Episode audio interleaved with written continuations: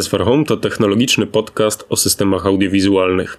Rozmawiamy o muzyce, sprzęcie oraz o tym, jak połączyć świat twórców z nowoczesnymi rozwiązaniami do reprodukcji dźwięku.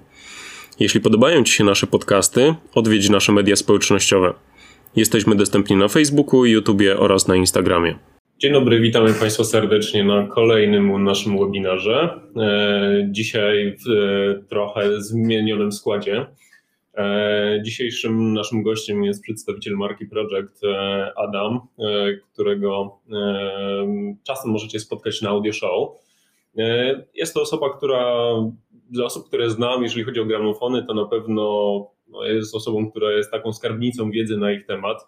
E, tak więc dzisiaj mm, opowiadam Wam trochę więcej o gramofonach, przedstawię Wam trochę bardziej mm, również ofertę marki mm, Project.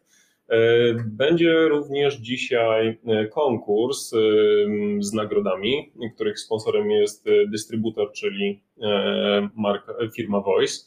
Będzie do wygrania jak widać tutaj masa czyszcząca i no, w zasadzie akcesoria, które są potrzebne na start w zasadzie każdemu e, użytkownikowi gramofonu, e, czyli igła, szczoteczka do czyszczenia igły oraz do czyszczenia płyt.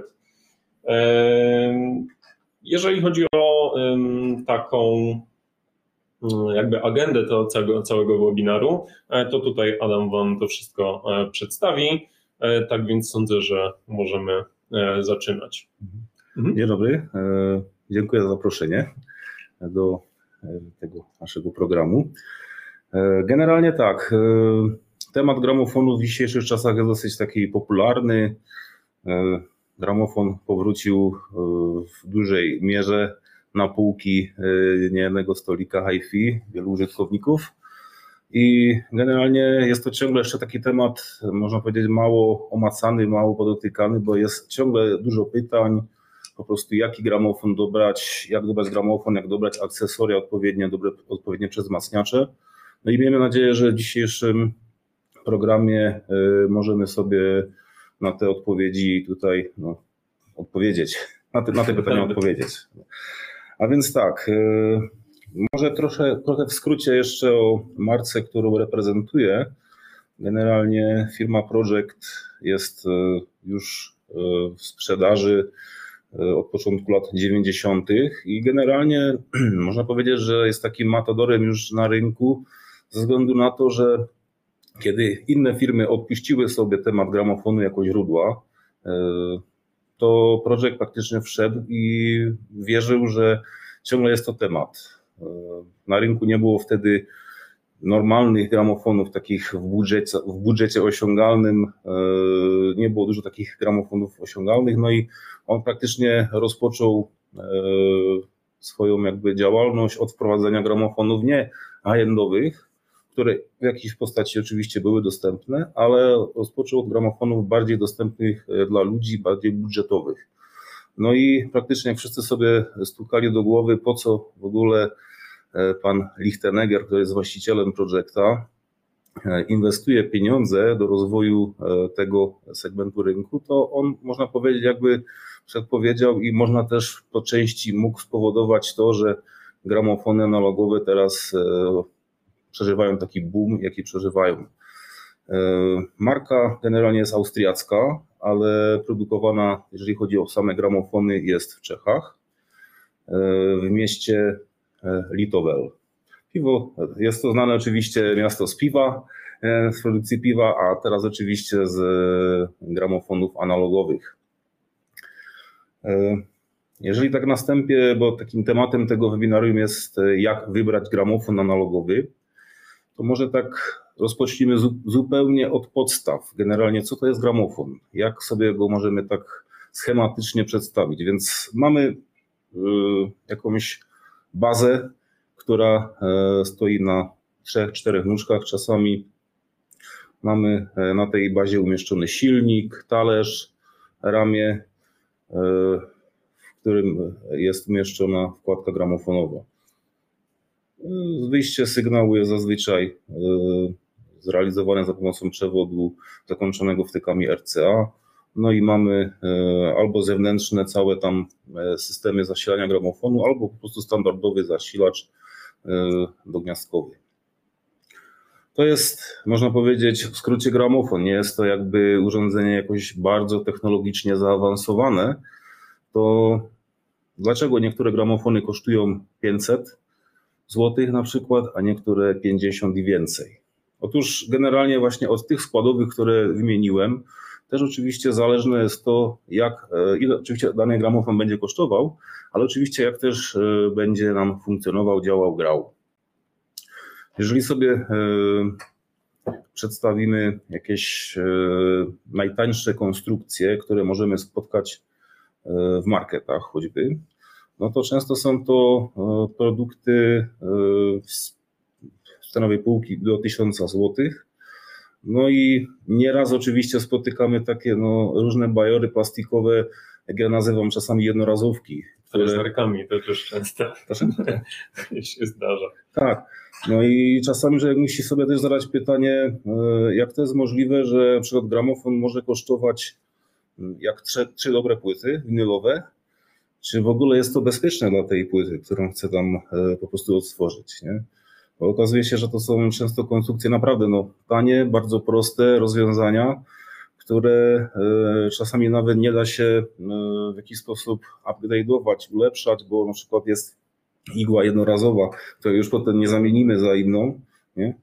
W wypadku na przykład pasków trudno potem znaleźć e, w wypadku, że się pasek zużyje, pęknie, jakiś odpowiednik do tego, więc no, trzeba uważać po prostu na pewnego rodzaju wynalazki, które niby są błyszczące, ładne, wszystko, ale nie do końca tak, aż bym powiedział, że są powiedzmy odpowiednie jako pierwszy gramofon na przykład, nie? Ale oczywiście też możemy znaleźć konstrukcje, które są powiedzmy 200-300 zł droższe, ale już nam oferują pewne rozwiązania, które są bliżej powiedzmy gramofonom e, które e, chcemy już e, potem wyższej półki, czy nazwijmy to, są bliżej gramofonów takich już e, low-end, jak są nazywane. A więc tak, jakbyśmy sobie popatrzyli ogólnie na budowę gramofonu, to gramofony mogą się różnić w zależności od tego, jak mamy tutaj na przykład przedstawione te cztery modele to każdy gramofon ma zastosowane na przykład inne nóżki. W podstawowych, e, takich tych najtańszych e, modelach gramofonów, to te nóżki są często nie są regulowane, są wyprodukowane z jakiegoś tam jednego rodzaju materiału, z jakiejś gumy, czy jakiegoś tam nawet nie często absorbera e, drgań. No i są, by były po prostu, nie? Często tak, żeby ładnie wyglądały, ale nie aż tak do końca mogą pełnić tej funkcji, którą by miały pełnić w gramofonie. To znaczy nóżka, e, jeżeli chodzi o gramofon, ma pełnić funkcję jakby takiego tłumika, powiedzmy, drgań, zakłóceń mechanicznych, które mogą iść od podłoża gramofonu e, i które mogłyby się przenosić dalej na resztę e, tego całego systemu gramofonu. Nie? Więc w zależności od tego, jakie są te nóżki użyte, to też oczywiście potem nam rośnie jakiś koszt produkcji, bo możemy jedne nóżki, mówię, tam jakieś e, z jednego rodzaju materiału nieregulowane, możemy mieć nóżki regulowane oczywiście z absorberem na przykład e, TPE, możemy mieć nóżki z składy sorbotanu, mogą być różne systemy, na przykład e, jeżeli chodzi o odsprzężenie na przykład systemów dwóch magnesów przeciwdziałających, sprężynowe, po prostu już czym wyżej w konstrukcji gramofonu i też w zależności od tego, jaki to jest rodzaj gramofonu, tym ta konstrukcja nóżki, można by powiedzieć, taka banalnej, banalnego elementu jest bardziej zaawansowana i e, daje nam właśnie też jakby lepsze jakby ochronę gramofonu, biorąc pod uwagę miejsce, na którym ten gramofon jest umieszczony. E, następnym elementem gramofonu oczywiście to mamy bazę. Możemy sobie zauważyć, że czym Często gramofon e, droższy, czym ma na przykład cięższy talerz i tak dalej, tym baza jest, e, można powiedzieć, bardziej e, gruba, ma większą wysokość, ma większą masę. I znów w tańszych modelach często są to płyty wiórowe, jakieś tam, Dokładnie. można powiedzieć, naj, naj, najtańsza jakaś tam opcja, sklejki która tak dokładnie sklejki i tak dalej. Idąc wyżej mamy to płyty MDF, czasami są to nawet e, wykonane metodą kanapkową, tak zwane sandwiche, to znaczy kilka warstw e, płyt MDF. Możemy mieć oczywiście płyty na przykład z akrylu, tak jak na przykład jest to w modelu gramofonu właśnie Six Perspex, czy były też modele takie dwa Experience. Może to być już naprawdę high-endowych konstrukcjach, są to różne tam stopy metali, są to różne na przykład już takie e, czasami bajoransko wyglądające, e, nawet, nawet kamień, czy jakieś tam tego typu sztuczny kamień jest stosowany, więc znów idąc w tej hierarchii jakby technologicznej do góry, to już mamy e, też użyte inne materiały, droższe materiały. I często też jeszcze nie jest to tylko kwestia użycia samego materiału, ale na przykład mamy plinty, które są jeszcze dodatkowo dociążane, dociążane to znaczy posiadają komory balastowe, które e, pozwalają na to, aby uzyskać po prostu stabilność i dodatkową masę dla e, tego gramofonu. Co jest też ważnym jakby aspektem, to na przykład projekt nie stosuje takich e, plint, które mają od wewnątrz po prostu wolne przestrzenie, tak zwane hollow spaces. Mhm. To znaczy, że jakby w wypadku szasy gramofonu to ona nie ma grać jak na przykład, nie wiem, violoncello, to mhm. znaczy ta obudowa, ale po prostu ma to być obudowa, która raczej ma mieć e, właściwości antyrezonansowe. Nie? Więc z kolei to znów nam robi różnicę pomiędzy powiedzmy budżetowymi gramofonami projekta i jakimiś tam wynalazkami e, naprawdę z niższej półki, które często w środku mają wiele pustych przestrzeni, co może powodować też też e, no, pewne już. Potem... mniej na pewno zwarta ta konstrukcja. Dokładnie, dokładnie. Czasami różne może wpadać w rezonansę na przykład ta, e, ta obudowa czy. Nie? E, następnym ważnym elementem oczywiście w gramofonach to są e, silniki. Silniki są stosowane jak na prąd stały, tak na prąd oczywiście zmienny, w zależności od tego, jak dana firma po prostu no, wybiera i stosuje sobie potem dalej całą regulację tego silnika, żeby utrzymywał obroty, żeby po prostu był, były obroty stabilne, żeby silnik w jakiś sposób nie wibrował, nie wprowadzał nam jakieś zakłócenia też oczywiście dalej e, e, w, przy eksploatacji gramofonu. Silniki oczywiście mogą być zamontowane jak na bazie, tak mogą być wyprowadzone poza bazę. I to już są właśnie też te różnice w tym, jak e, dany model czy dana firma też stosuje odsprzężenie czy odseparowanie tego silnika, żeby silnik po prostu w żaden sposób nam nie zakłócał pracy gramofonu. I oczywiście, no, czasami, jeżeli jest silnik umieszczony na bazie, to jest w jakiś sposób zawieszony na różnych absorberach, tam tłumikach, są różne stosowane o-ringi, takie, na którym silnik jest zawieszony. No tutaj chyba dobrym przykładem jest ten The Classic. Oczywiście, to jeszcze jest kwestia in, inna, że możemy mieć szasy po prostu jeszcze jakby dodatkowe szasy na gramofonie, to znaczy, że nie mamy y, wszystkich elementów umieszczonych na jednej płycie, ale mamy zazwyczaj jakąś e, płytę bazową, na której jest umieszczony silnik, a sam e, talerz i ramię jest umieszczony na subszasji, tak zwane, to znaczy takiej dodatkowej płycie, która może być od seba odsprzężona, czy już to na sprzężynach, czy też może być zawieszona magnetycznie, czy w wypadku na przykład e, tutaj do klasika jest sześć kulek właśnie z takiego termoelastomeru. Więc to jest bardzo ważne i w tym momencie właśnie elementy, które są wrażliwe na odgrywania, no to są odseparowane, więc, więc znów jakby no, w porównaniu do najtańszych e, modeli, które czasami się zdarza, że nawet e, są tylko e, przykręcone silniki do samego szasy, czy też nawet przyklejone taśmą obu stron, to już się spotkałem z taką konstrukcją, no to oczywiście te osiągi nie mogą być na tym samym poziomie, co w wypadku choćby tu tego gramofonu The Classic, czy na przykład gramofonu e, X8. Nie? E, oczywiście no występują też e, silniki, które mają jakby, czy gramofony, które mają dodatkowe moduły zasilania silników, gdzie już jest często też rozwiązane regulacja obrotów, czy wybieranie obrotów 33, 45 lub 78. Te oso osobne praktycznie powiedzieć, zasilacze czy regulatory obrotów już też mają funkcję też jakby stabilizatora tego napięcia, więc w tym momencie mamy pewność, że gramofon e, czy silnik dostaje tak, taki prąd, czy takie napięcie, jakie ma być. To znaczy stabilne i na podstawie tego, jeżeli my e, zasilamy silnik dobrym i stabilnym napięciem, no to też tak ten silnik się będzie zachowywał i nie będzie nam robił problemów podczas odtwarzania.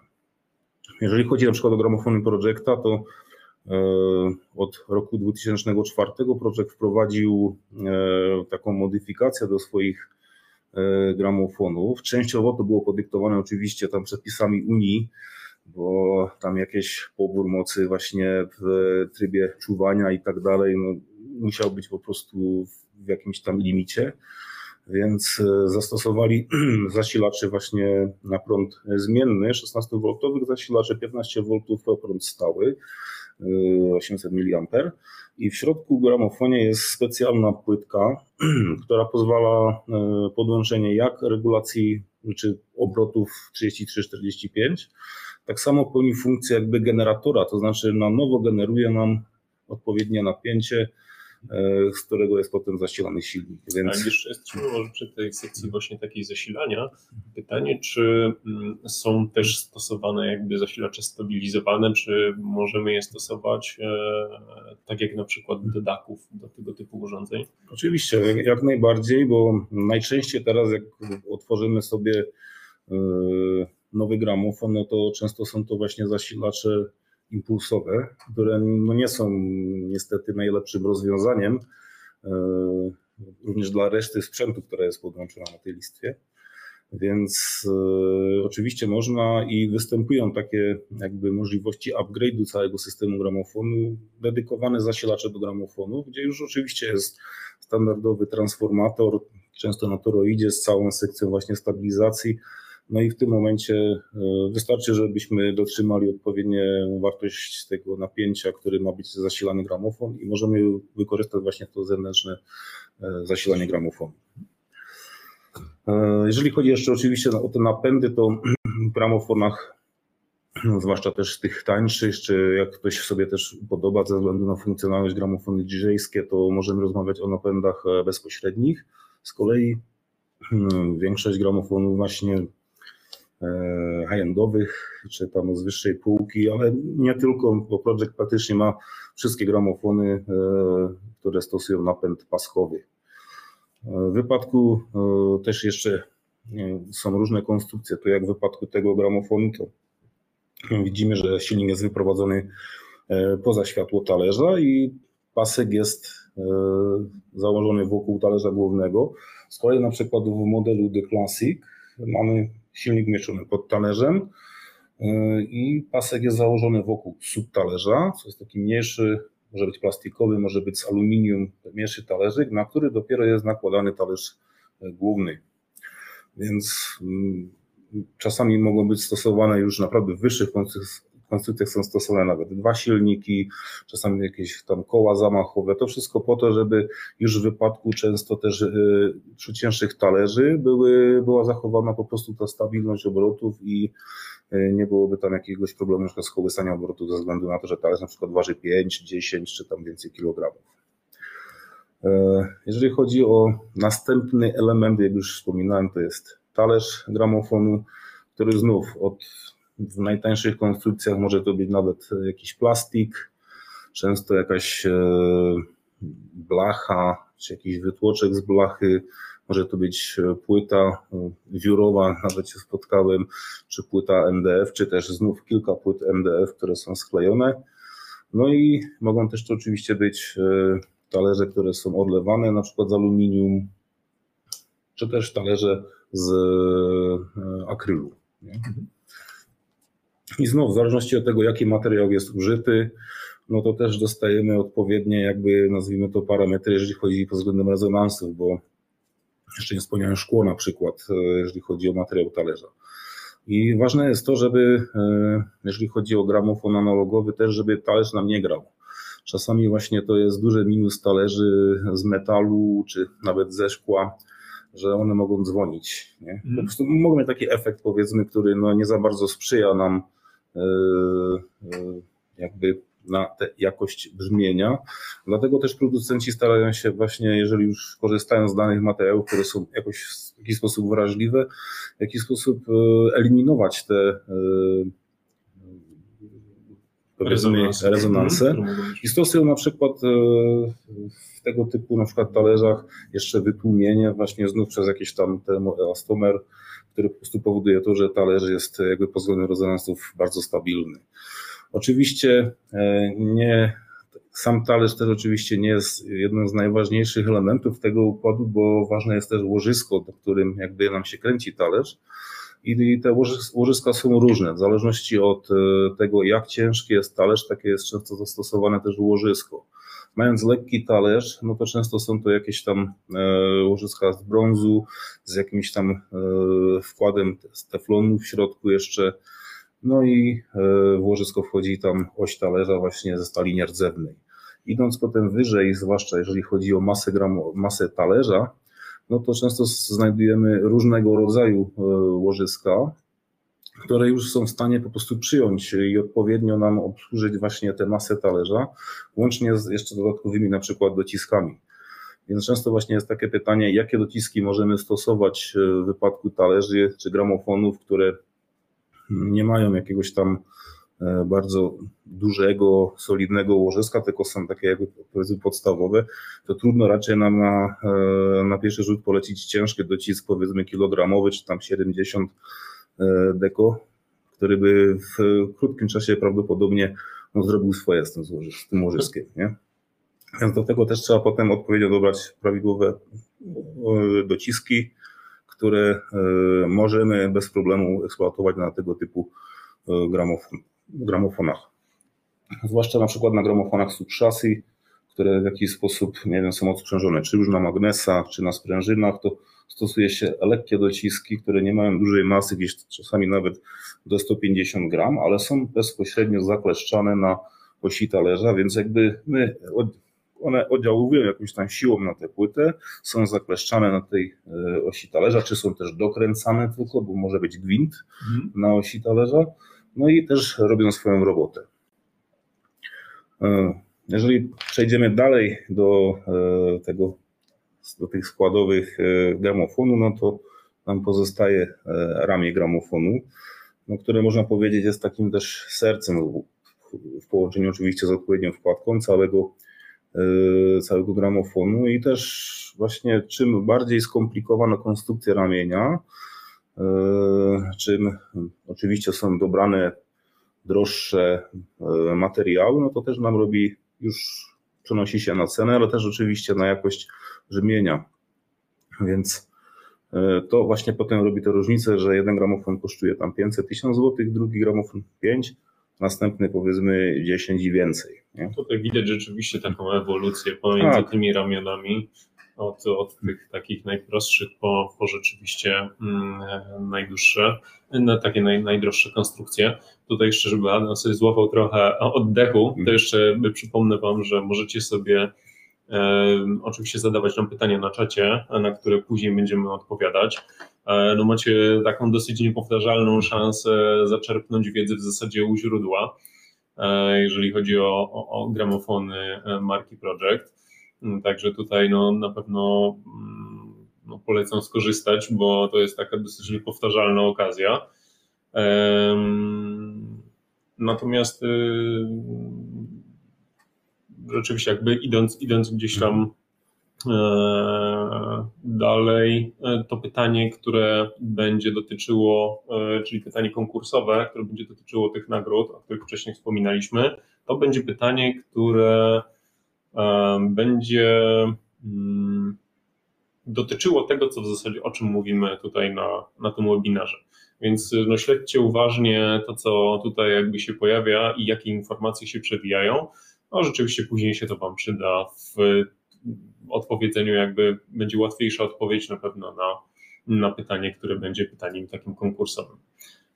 Okej. Okay. Jeszcze może powrócę do tych ramion, bo na przykład tu w wypadku tego modelu A1 który praktycznie jest takim pierwszym pełnym automatem firmy Project, to oczywiście mamy ultralekkie ramię, które możemy znać też, e, czy jest podobne do ramion, które stosował, czy stosuje Dual na przykład. Mhm. I to jakby ta konstrukcja też nie jest bez powodu, bo często e, te gramofony automaty w dzisiejszych czasach, jeżeli kupujemy, to raczej dotyczą tej niższej półki. I są to często właśnie takie, nazwijmy to plug and play, można powiedzieć, gramofony, kiedy kiedy my praktycznie wyjmujemy gramofon z pudełka, zdejmujemy tylko i wyłącznie jakieś zabezpieczenia transportowe, podłączamy do wzmacniacza, do zasilania i możemy grać. Praktycznie wszystko już jest ustawione w fabryce. Jedyne co to zdejmujemy osłonkę i e, oczywiście nakładamy płytę i gramy. I nie musimy mieć żadnych jakiejś tam większej wiedzy, po prostu jak ten gramofon uruchomić. Nie? Oczywiście taki typ gramofonu już raczej nie jest konstruowany e, z myślą o tym, żeby go dalej jakoś upgrade'ować, rozszerzać, coś tam dopieszczać. To już bardziej trzeba iść troszeczkę wyżej ale cenowo generalnie nie musimy znów wychodzić w jakiś tam mega, mega pułap, żeby już powiedzmy mieć gramofon z ramieniem, który już pozwala na jakąś tam podstawową kalibrację, choćby e, ustawienie azymutu. E, większość e, tych gramofonów, czy wszystkie gramofony Projecta posiadają mocowanie półcalowe, więc możemy też oczywiście dobrać sobie na przykład wyższy model wkładki niż był założony przy dopasowaniu odpowiedniej przeciwwagi, bo często trzeba też przeciwwagę dopasować pod, pod właśnie masę wkładki. E, Project dysponuje całą gamą generalnie dodatkowych przeciwwag, więc w tym momencie nie ma problemu, żeby jeżeli na przykład chcemy przejść z jakiejś wkładki choćby serii OM, z ortofona na wkładkę z serii 2M, w tym momencie nie ma problemu. Wystarczy tu zamontować wkładkę, wystarczy dodać odpowiednią przeciwwagę i możemy ponownie grać, ale już na wyższym poziomie. Więc e, też te ramiona generalnie, e, ich cena często różni się też w zależności od tego, jaki materiał jest użyty, że nie jest to na przykład tylko i wyłącznie jakaś tam rurka z aluminium, ale w wypadku na przykład Projecta są stosowane rurki z, e, albo z włókna węglowego, albo jest to właśnie połączenie korpusu z aluminium z włóknem węglowym. No i też oczywiście już idąc wyżej w każdym e, modelu mamy większe możliwości, żeby ustawić właśnie e, choćby kąt e, tam VTA, to znaczy, żeby jeżeli już chcemy iść wyżej z wkładką, żeby to ramię przygotować odpowiednio pod tę wkładkę, żeby miało to sens i ona potrafiła zagrać i oddać to, co ma oddać.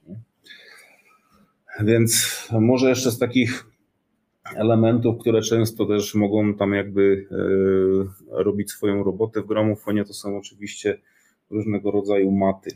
E, najczęściej są to maty nakładane na talerz, ale zdarzają się też oczywiście gramofony, które mają, e, które mają po prostu swoje już maty zintegrowane. Na przykład w niektórych modelach Projecta były to sprasowane płyty winylowe, które już były częścią integralną talerza i w tym momencie nie było trzeba stosowania już tam dodatkowych mat. Jedynie, że ktoś chciał się pobawić i powiedzmy stwierdzić, jak zastosuje maty jeszcze, nie wiem, z korku, z gumokorku, z, ze skóry, na ile mu to zmieni to brzmienie e, z tą e, Dokładnie.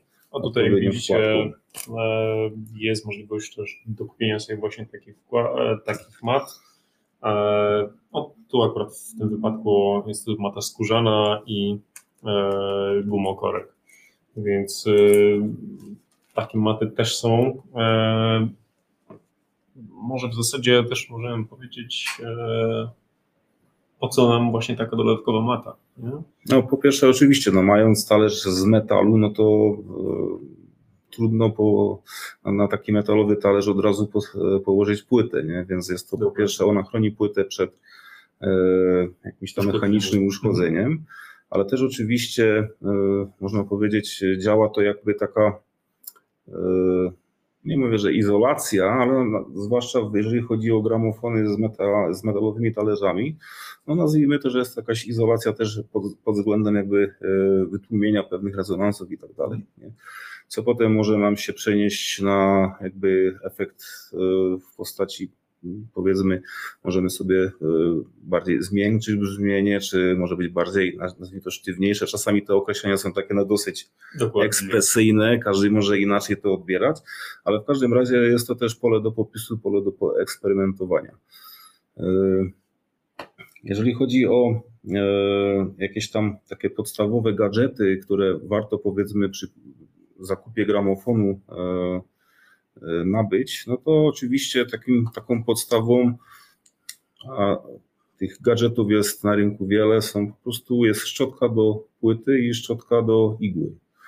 Jak wiemy, to odczyt po prostu z, z płyty jest tak zwany impaktowy, to znaczy bezpośrednio jakby igła dotyka nam nośnika. No i oczywiście, no niestety w każdym rowku płyty na, Oczywiście, jeżeli nie jest jakoś tam dopieszczona, umyta, jakieś tam ultra dźwiękowej myjce i tak dalej, zawsze znajdą się jakieś paprochy, które e, nam e, igła zbiera. No i po pewnym czasie każdy na pewno użytkownik gramofonu sobie przypomina, że zwłaszcza na różnych imprezach, potem jak płyta dobiegła do końca, no to znalazł po prostu paprocha dużego na końcu igły, którego albo się dało zdmuchnąć, albo w jakiś sposób e, zdjąć, ale w każdym razie czasami może się okazać, że same zdmuchnięcie i takie nie, nie, nic nie pomoże i do tego właśnie nam służy taka szczotka, która niedużym kosztem pozwoli na to, że yy, nie zostaną nam na igle jakieś tam yy, no, niepożądane tam e, brudy i inne rzeczy, które mogą spowodować to, że odczyt po tym już nie będzie idealny i może to e, nawet skutkować tym, że możemy mieć jakieś na przykład rozpite wysokie tony, czy w ogóle nie, nie, każdy, nieczyste gramy. Większość osób właśnie kojarzy gramofon z takimi charakterystycznymi trzaskami, które nie są tak. takim elementem pożądanym właśnie, które najczęściej też właśnie bierze się z tego, że gromadzi się na tych płytach ładunek e, elektryczny i właśnie do tego służą tego typu rzeczy. To jest oczywiście jakaś tam najprostsza forma, e, no ale też później pewnie Wam opowie o, o coś więcej o myjce. No, dokładnie. E, więc e, tutaj jakby do takich bardziej zaawansowanych rzeczy to, to, to, to przejdziemy później. Tam jeszcze chciałbym zwrócić uwagę na, na to, bo oczywiście możemy czyścić na sucho, albo też na mokro igłę, mhm. tylko trzeba zwrócić uwagę na to, co poleca czy nie poleca producent wkładki, bo na przykład jeżeli chodzi o ortofona, to e, on e, wbrew instrukcji obsługi można przeczytać, że nie zaleca czyszczenia na mokro, mhm. bo oczywiście ten, nazwijmy diament jest jakoś przyklejony do tego spornika igły i może wejść jakby ten roztwór czyszczący w reakcję, co potem może skutkować nawet tym, że stwierdzimy, że no nie mamy już jakby diamentu na sporniku i oczywiście zdarzały się takie sytuacje, no i potem, potem już no niestety trzeba wymienić, jeżeli to jest wkładka MM, to to jeszcze samą igłę. To samą powiedzmy igłę, ale jak już to są droższe wkładki MC, no to potem już niestety nie wszystkie firmy oferują retyping w jakiejś tam rozsądnej cenie, no i już potem no niestety jest problem. Dobra, jeżeli jeszcze możemy sobie opowiedzieć o jakichś tam takich akcesoriach, które są ważne w ogóle po to, żeby gramofon uruchomić, czy w jakiś sposób eksploatować prawidłowo, no to mamy różnego rodzaju właśnie gadżety. Ja pokazuję gadżety, które są dostępne w katalogu firmy Project. Notabene katalog firmy Project, jak sobie zobaczymy, no to jest trochę taka no, grubsza już książka. Zawiera tam mm, informacje nie tylko o samych gramofonach, akcesoriach, ale też o e, pozostałej działce e, firmy, co jest, jest właściwie co jest elektronika. Nie tylko przez wzmacniacze gramofonowe, ale również e. Cała gama po prostu elektroniki od wzmacniaczy przez wzmacniaczy liniowych, źródeł typu streamery, aż po jakieś tam dodatkowe zasilacze, kolumny głośnikowe, przewody e, sygnałowe, zasilające, więc można powiedzieć, że e, jakbyśmy chcieli ustawić system stereo e, tylko i wyłącznie z produktu Projecta, nie ma problemu. Więc Project oczywiście oferuje całą gamę akcesoriów. Mamy takie drobne rzeczy, jak na przykład wagi które pozwolą nam na ustawienie odpowiedniego poziomu gramofonu. Zwłaszcza mając gramofon, który ma regulowane nóżki, no to w tym momencie jest to dosyć pomocne, ale możemy użyć dowolnej wagi e, poziomnicy po prostu, która, no która po prostu jest dostępna.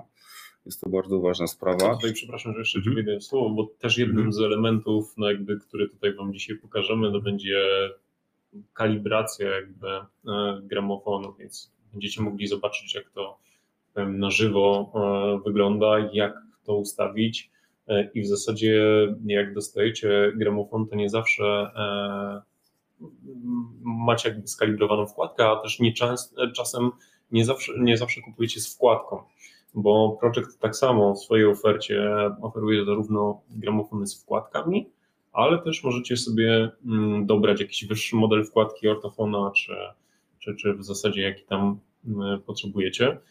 E, I wtedy no już jakby ta kalibracja tego gramofonu jest takim elementem, który no należy przejść e, albo samemu, albo ewentualnie oczywiście zwrócić się do, do salonu, żeby wam e, przeszedł ten etap bez. Mhm. A więc jeżeli chodzi o samą eksploatację gramofonu, to bardzo ważnym też trzeba dotrzymać pewne rzeczy, czy pewne powiedzmy kroki przy eksploatacji, które obojętnie czy użytkujemy gramofon za 1000 zł, czy za 10 tysięcy złotych i więcej, po prostu muszą być dotrzymane. Ja zawsze mówię, że nawet najtańszy gramofon, jeżeli jest dobrze ustawiony, to potrafi czasami nas zaskoczyć swoim brzmieniem, a nawet najdroższy gramofon z najdroższą wkładką, jeżeli nie jest dobrze ustawiony, no to w tym momencie może nas sporo zawieść. Nie? I e, w tym wypadku są pewne rzeczy, których oczywiście musimy dotrzymać, więc jak już powiedziałem, e, gramofon oczywiście miałby działać na dosyć stabilnym e, stoliku, który nie jest jakiś, jakoś poddajny powiedzmy na jakieś tam fale nawet, nazwijmy to akustyczne od kolumn, które mogą mm. pochodzić, więc na pewno nie zaleca się jakiś tam lekki stolik z Ikei, mm. czy z jakiegoś tam powiedzmy podobne wynalazki, tylko warto mieć po prostu stabilny stolik. Jeżeli nie mamy takiej możliwości, to oczywiście istnieją różne e, platformy antywibracyjne, które są dobrą podstawą po to, żeby na, tym, e, na, na nie potem postawić stolik. Oczywiście gramofon e, powinien grać na idealnie wypoziomowanej jakiejś tam platformie, stoliku. Jeżeli nie ma takiej możliwości, to możemy właśnie się wspomóc, wspomóc nóżkami i wyregulować gramofon i jego poziom właśnie za pomocą nóżek. Więc mówię, przydatna rzecz, jest e, oczywiście waga, jak oni nazywają, level it, to znaczy poziomnica. Oczywiście, żeby gramofon nam też e, odpowiednio zagrał, już żeśmy wspomnieli, po prostu, e, żeby była w dobrej kondycji igła, ale żeby igła też odpowiednio nagrała, to musi być odpowiednio obciążona, musi pracować z odpowiednim naciskiem. No i teraz trzeba ten odpowiedni nacisk w jakiś sposób ustalić. Mamy gramofony, które posiadają przeciwwagi, które już mają tam skalę i pozwalają przy dotrzymaniu pewnej procedury ustawić naprawdę e, bardzo dokładnie co do setnej odpowiedni nacisk. W wypadku, że na przykład mamy taki gramofon, jak jest tutaj Debut Pro, który nie ma podziałki e, na e, przeciwwadze, no to potem polecam coś w stylu właśnie Measure It E, wagi cyfrowej, która pozwala nam w bardzo elegancki, szybki sposób ustalić, sprawdzić, czy gramy z takim naciskiem, jaki zalecił producent. Y, z następnych takich y, dosyć dobrych też przydatnych gadżetów, no to oczywiście są różnego rodzaju środki do czyszczenia płyt, jakieś antystatyczne i tak dalej, bo nie zawsze płyta musi być porysowana i zaczyna nam strzelać. Nie? No, są różne wyładowania i tak dalej, zwłaszcza w w okresie powiedzmy tam, kiedy grzejemy grzejnikami, jest suche powietrze, to jest to bardziej wszystko podajne na tego typu efekty, więc y, odpowiednio na przykład y, umyta płyta, czy już to manualnie za pomocą jakiegoś tam preparatu do czyszczenia płyt, czy już za pomocą jakiejś tam myjki manualnej, w której stosujemy już ale płyn antystatyczny, albo też przy użyciu na przykład jak tutaj mamy E, pokazaną, wystawioną myjkę VC S2AW i to jest myjka już elektryczna, która pozwala na to, żeby e, w dosyć łatwy, wygodny sposób umyć płytę. No i e, ta płyta potem już naprawdę jest pozbawiona wszystkich takich tych niepożądanych efektów związanych z tym, że jest albo brudna, albo naładowana. Oczywiście ważne jest to, żeby umytą płytę nie wkładać z powrotem do powiedzmy brudnego, czy też powiedzmy pierwotnego opakowania, jak przychodzi płyta z produkcji. Często są, są takie koperty e, e, papierowe, no, które utrzymują te różnego rodzaju paprochy, no więc szkoda by było myć płytę i stawiać ją z powrotem. Więc to jest z następnych takich gadżetów, co polecam na pewno kupić sobie przynajmniej jakiś tam zestaw tych e, koszulek antystatycznych wewnętrznych No i to właśnie dużo daje. Generalnie potem podczas odsłuchu na pewno nie usłyszymy jakieś tam niepokojące trzaski. Więc oczywiście możemy z takich podobnych ciekawych gadżetów, które nam mogą pomóc w eliminacji właśnie tych efektów antystatycznych czy wyładowań antystatycznych są różnego tego typu szczotki, które praktycznie idą przed samym ramieniem, nam zdejmują właśnie wszystkie tam i zanieczyszczenia, jakby były, i y, ładunki. I praktycznie wiele producentów oferuje tego typu rozwiązania. Tu mamy akurat taką podstawową wersję takiego urządzenia, które nazywa się Sweepit E ono występuje jeszcze w wersji S2, takiej bardziej już e, dopieszczonej, tam z windą i tak dalej. Jest to urządzenie warte uwagi, zwłaszcza jeżeli mamy jakąś tam szerszą kolekcję płyt w dobrym stanie, no to warto coś takiego też zastosować. A więc... No, też takim podstawowym jest przedwzmacniacze. Tak, do tego jeszcze bym do, doszedł, ale generalnie możemy, możemy to jakby mhm. lekko przeskoczyć w takim tym moim planie, który sobie przygotowałem, bo oczywiście gramofony też mogą się różnić. Zazwyczaj rozmawiamy o tych e, tańszych propozycjach na rynku, e, bo w droższych konstrukcjach raczej nie stosuje się wbudowanych przez wzmacniaczy gramofonowych, ponieważ byłoby to dosyć limitujące dla nas. Nie? Więc w wypadku tańszych gramofonów, które są najczęściej y, uzbrojone wkładki typu MM, są też do wyboru gramofony, które posiadają przezmacniacze gramofonowe, wbudowane już. Najczęściej one też mają taką funkcję, że mogą być włączone lub wyłączone. To na przypadek, że będziemy chcieli podłączyć zewnętrzny y, przezmacniacz gramofonowy albo wykorzystać już wbudowany we wzmacniaczu głównym właśnie przezmacniacz do wkładek gramofonowych.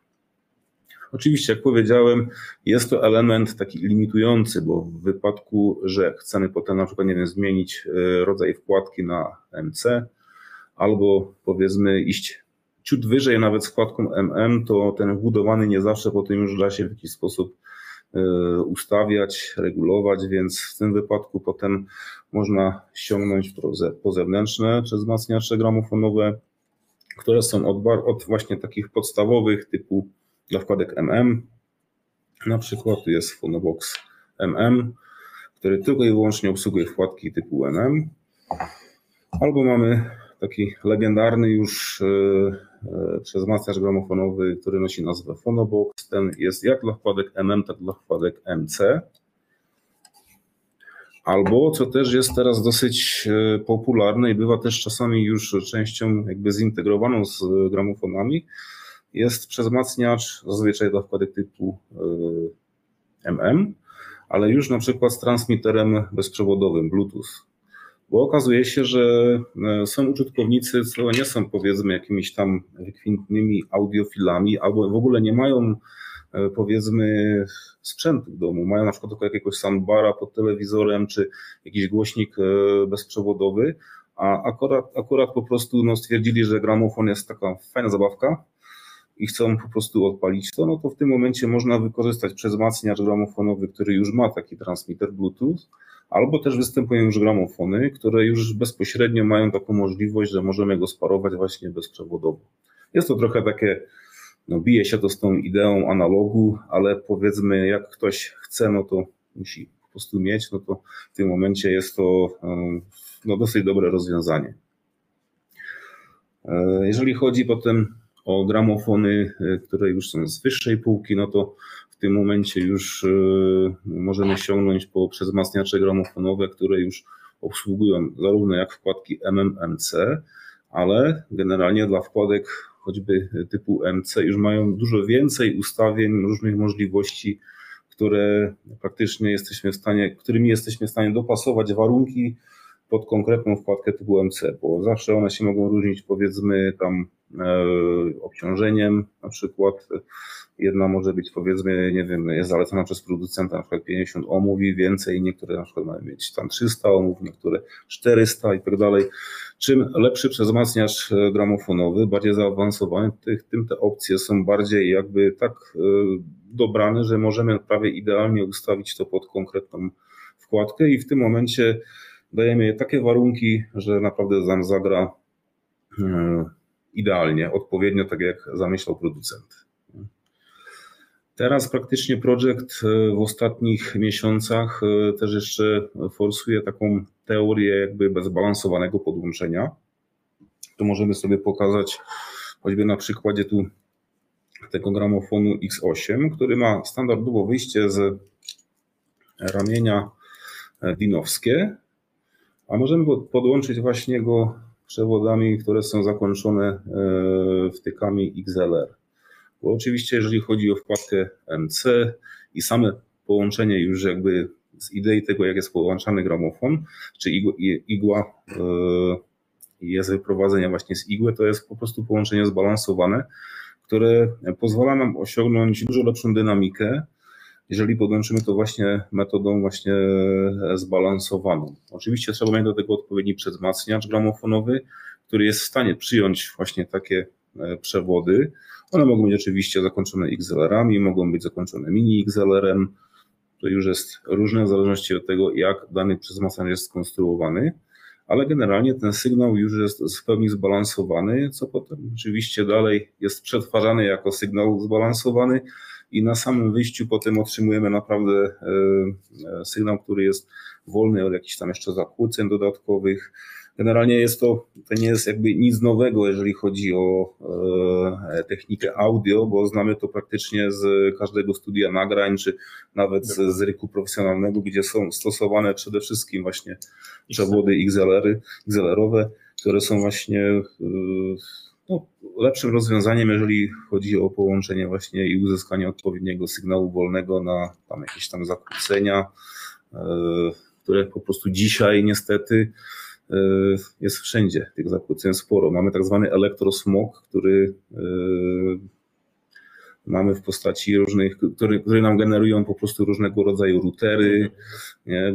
właśnie te bezprzewodowe jakieś transmitery, mamy całą masę urządzeń elektrycznych, więc e, to też ma duży wpływ na to, e, jak te wszystkie urządzenia, zwłaszcza źródłowe, potem nam działają. Więc jeżeli my dostarczymy do przezmacniacza gramofonowego sygnał, do którego jeszcze się namodułuje jakieś tam zakłócenie, to potem wszystko słyszymy. Nie? To jest to samo, jak e, powiedzmy mamy gramofon, który nie jest dobrze odsprzężony i zbiera powiedzmy jakieś tam elementy zakłóceń mechanicznych, czy już coś silnika, czy od podstawy, to wszystko jest potem słyszalne. Tak samo ta kwestia powiedzmy tego elektrosmogu, tych różnych zakłóceń elektromagnetycznych, to wszystko jest potem dalej wzmacniane i słyszymy to w postaci jakiegoś tam huku, bzyczenia, buczenia i tak dalej. I generalnie to nam nie jest niepotrzebne. nie? Więc tak. Wolelibyśmy nawet do tego uniknąć. Dokładnie. Więc też oczywiście też jest ważne, w jakim miejscu my stawiamy gramofon domu. Czasami oczywiście trzeba pogodzić mieszkanie, bycie w tym mieszkaniu z tymi prawami powiedzmy audiofila. Niestety nie zawsze się da połączyć czy jakoś pogodzić, bo jest tam też faktor żony i tak dalej ale generalnie starajmy się to zawsze zrobić dobrze.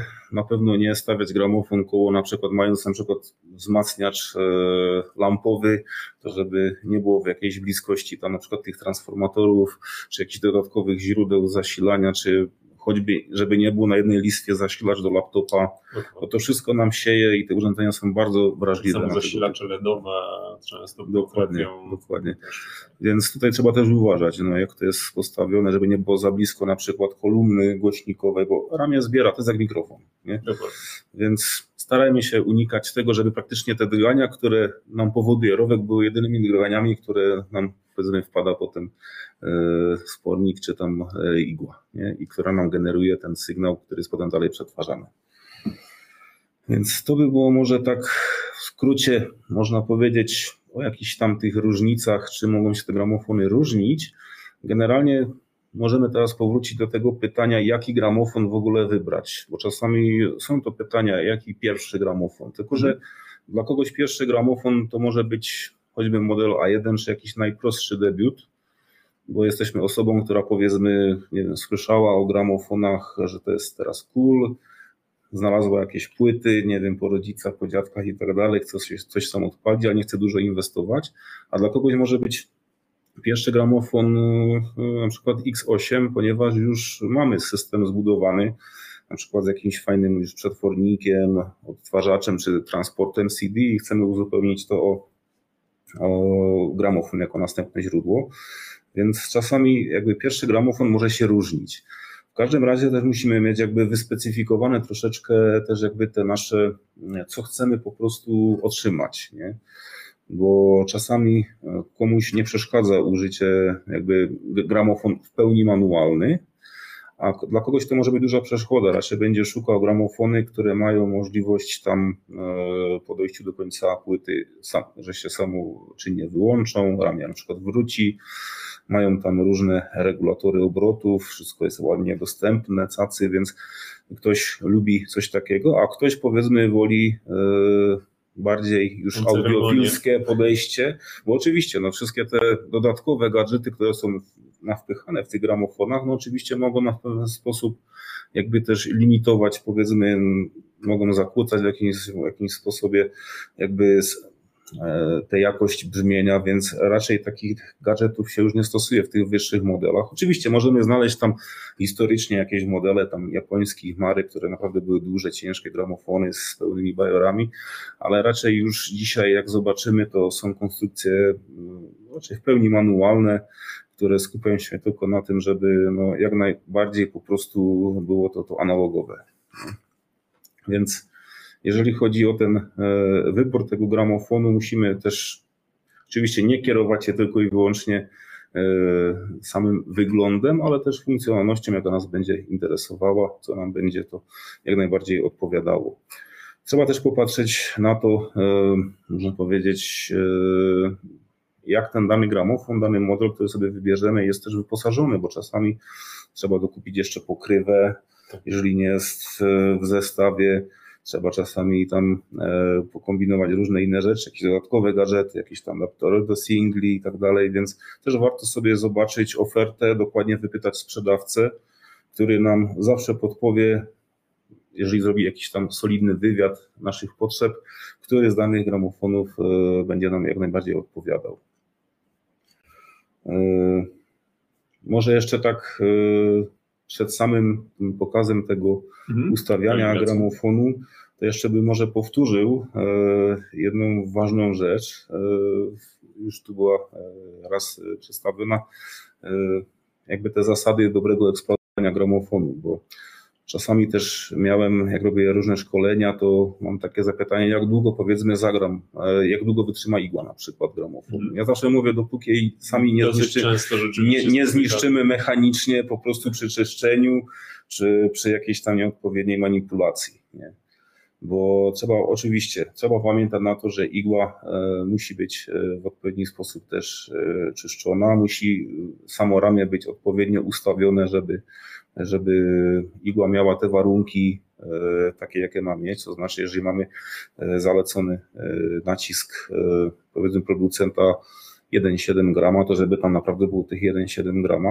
Oczywiście dla bardziej doświadczonych użytkowników jest taka dodatkowa informacja, że producenci wkładek czasami podają zakres od do, jaki nacisk możemy stosować.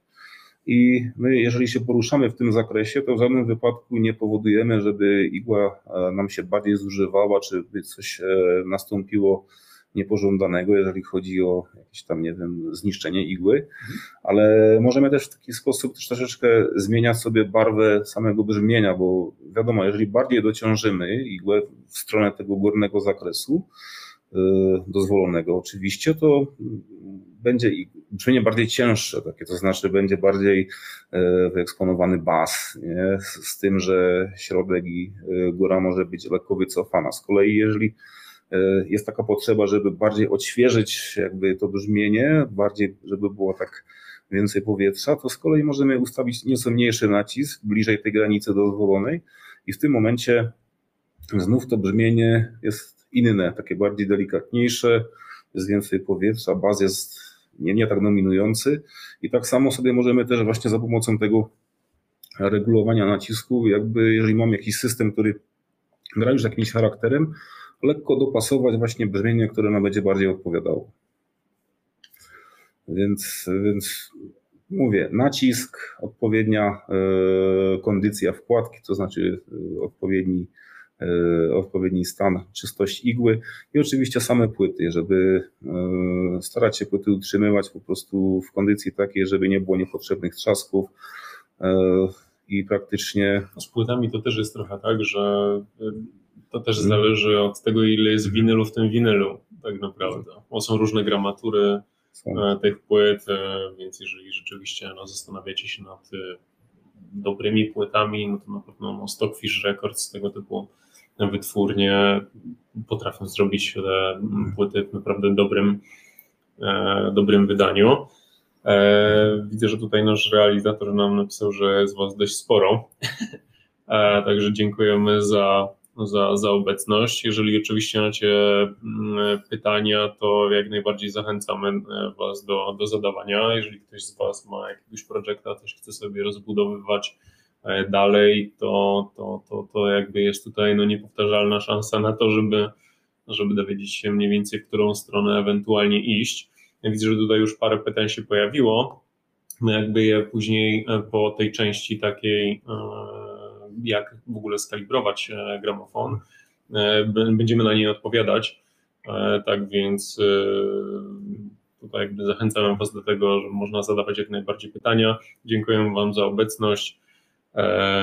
Okej, okay, możemy jakby dalej kontynuować. Nie wiem, czy tutaj. Tak, możemy, bo jak praktycznie mówiłem tylko e, o tym, żeby igła była czysta, żeby był odpowiedni nacisk.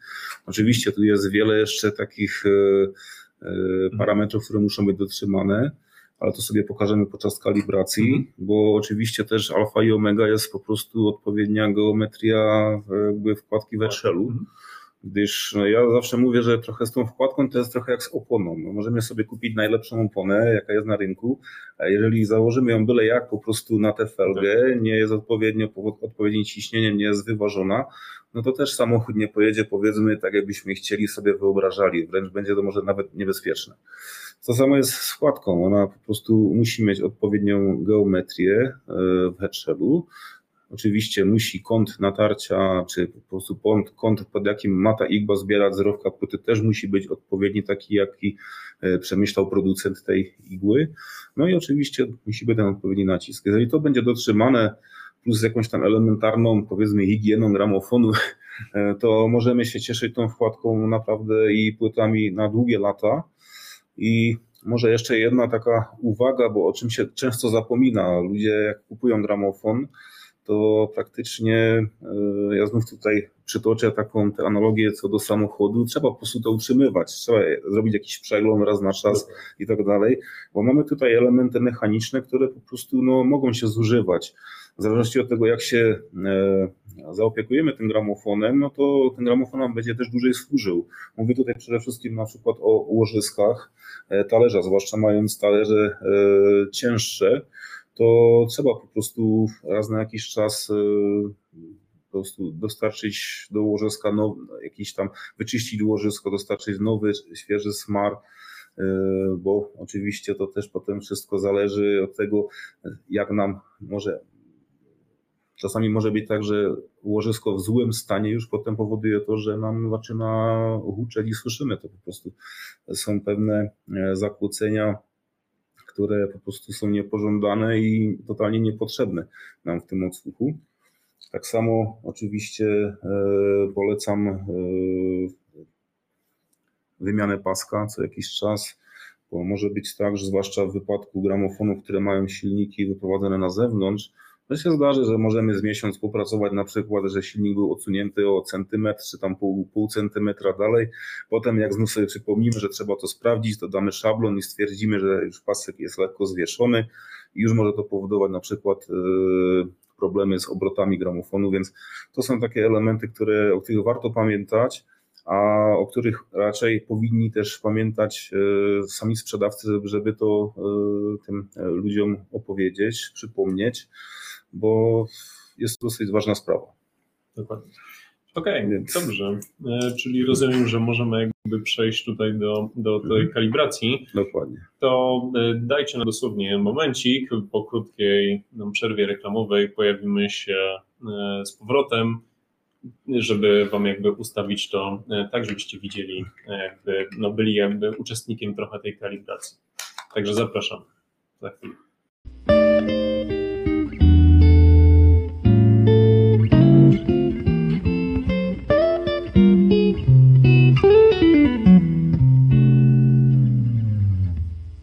Żeby zobaczyć przebieg kalibracji gramofonu, zapraszamy do obejrzenia filmu na naszym kanale YouTube. W tym podcaście sekcja ta została pominięta.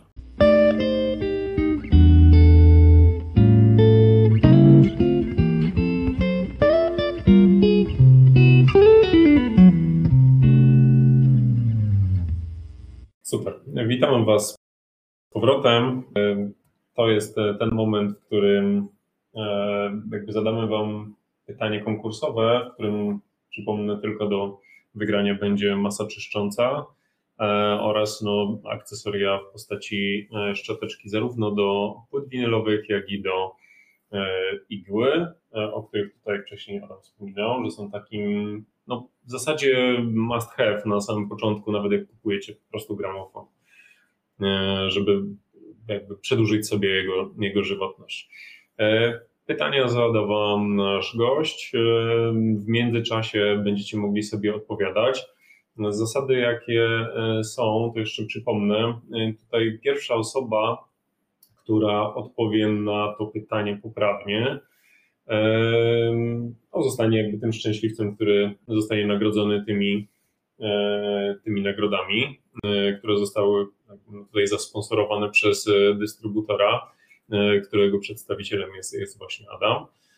E, tak więc e, jedynym tylko takim zastrzeżeniem jest to, że pierwsza osoba, której odpowiedź dotrze jakby do naszego serwera, bo z poprzedniego webinara, jakby z doświadczenia wiemy, że te odpowiedzi docierają do, u Was wyświetlają się dosłownie w momencie, kiedy to wyślecie, natomiast do nas, do naszego jakby powiedzmy, że serwera czyli do, do, do, do nas na czat, mm, docierają z jakimś opóźnieniem. Więc, y, żeby jakby nie było nieporozumień, to będzie to pierwsza osoba, której e, odpowiedź pojawi się na naszym czacie. E, żeby jakby to gdzieś tam udowodnić, jeżeli by były jakieś spory, no to oczywiście możemy Wam przesłać screena, jak to dotarło do nas.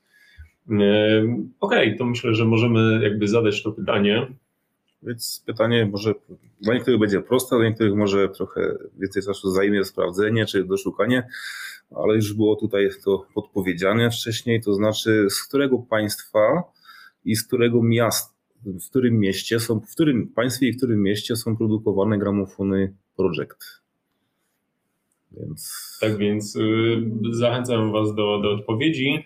E, a w międzyczasie, no oczywiście będziemy jakby tutaj śledzić, nasz realizator tutaj poda e, szczęśliwca, który zostanie właścicielem tych, e, tych akcesoriów.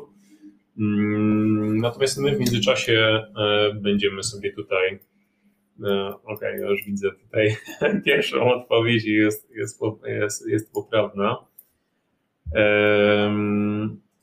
Tak więc no szybko się udało ale jakby w międzyczasie, czyli do, do, do tutaj Roberta, to pierwsza jest odpowiedź, tak, która dotarła do nas. E, no, wędrują jakby e, te nagrody. E, rzeczywiście jest to Litowel i Czechy. Jeszcze Adam tutaj potwierdzi, że na pewno. Dokładnie. tak więc udało się. A może jeszcze powiem tak, jakby dlaczego Litowel, dlaczego Czechy? E, bo historycznie to jest tak, że e, miasto, w którym produkowane są gramofony Projekta, to ma fabrykę, która produkuje gramofony już od e, bardzo długich lat, od powiedzmy lat 60. Tylko wcześniej to było pod szyldem tam Tesli.